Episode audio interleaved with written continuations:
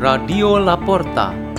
The door is open for you for the growing of knowledge and wisdom of God.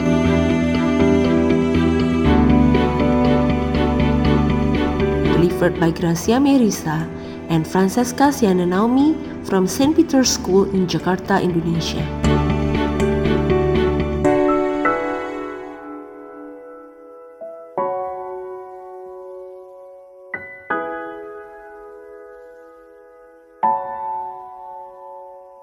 Reading and meditation on the Word of God on Saturday in the octave of Easter, April 23rd, 2022.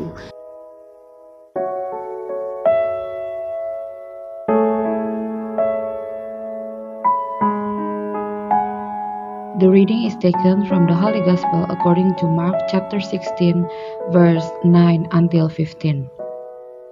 When Jesus had risen early on the first day of the week, he appeared first to Mary Magdalene, out of whom he had driven seven demons. She went and told his companions who were mourning and weeping. When they heard that he was alive and had been seen by her, they did not believe. After this, he appeared in another form to two of them walking along on their way to the country. They returned and told the others, but they did not believe them either. But later, as the eleven were at the table, he appeared to them and rebuked them for their unbelief and hardness of heart, because they had not believed those who saw him after he had been raised. He said to them, Go into the whole world and proclaim the gospel to every creature. The Gospel of the Lord.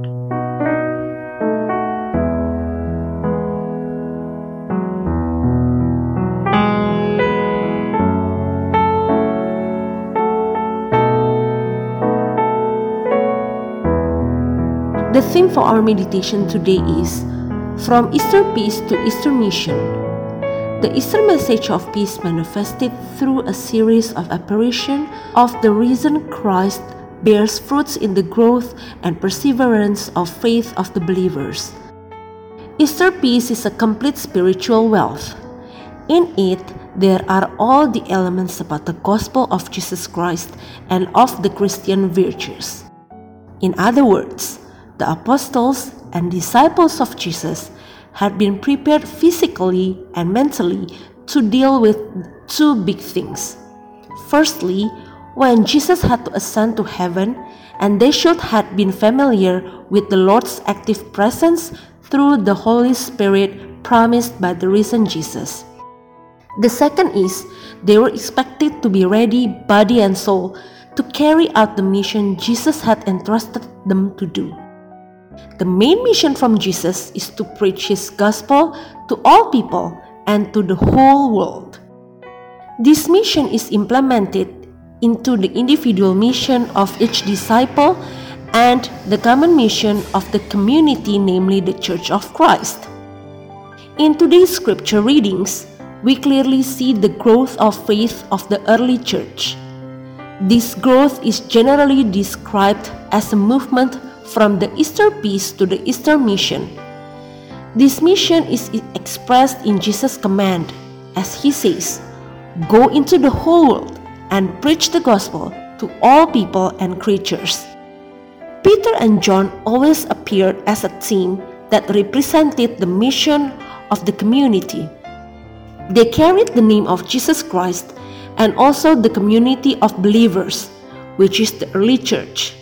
Furthermore, each disciple chose one's own way as the true personification of Jesus in the fulfillment of the missionary works.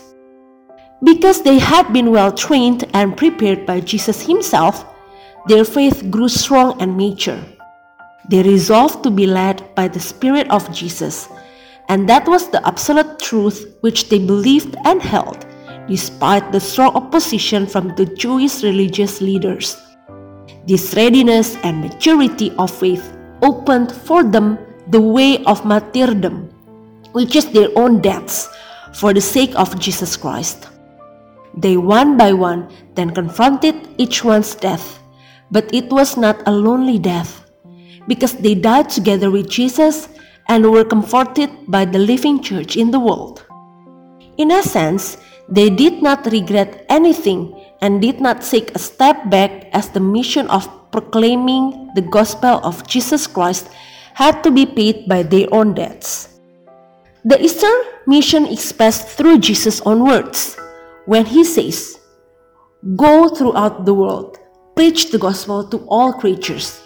Is a mission also mandated to the whole church and all her members. Every follower of Christ in every moment of life undergoes that mission on behalf of the church in which Jesus Christ is the head. In a formal manner, we receive that mission at the end of our worship and the Eucharist celebration. The worship leader always says at the end of the celebration, Our celebration is over, we are sent. Or, Go in peace and proclaim the gospel in your lives. In informal and personal manner, each of us takes this responsibility to be the witness of Christ in this life on earth. Let us pray. In the name of the Father, and of the Son, and of the Holy Spirit. Amen. Lord Jesus, walk with us and protect us always as we do our respective missions each day, and deliver us from all evils. Glory be to the Father, and to the Son, and to the Holy Spirit, as it was in the beginning, is now, and ever shall be, world without end. Amen. In the name of the Father, and of the Son, and of the Holy Spirit. Amen. Radio La Porta. The door is open for you.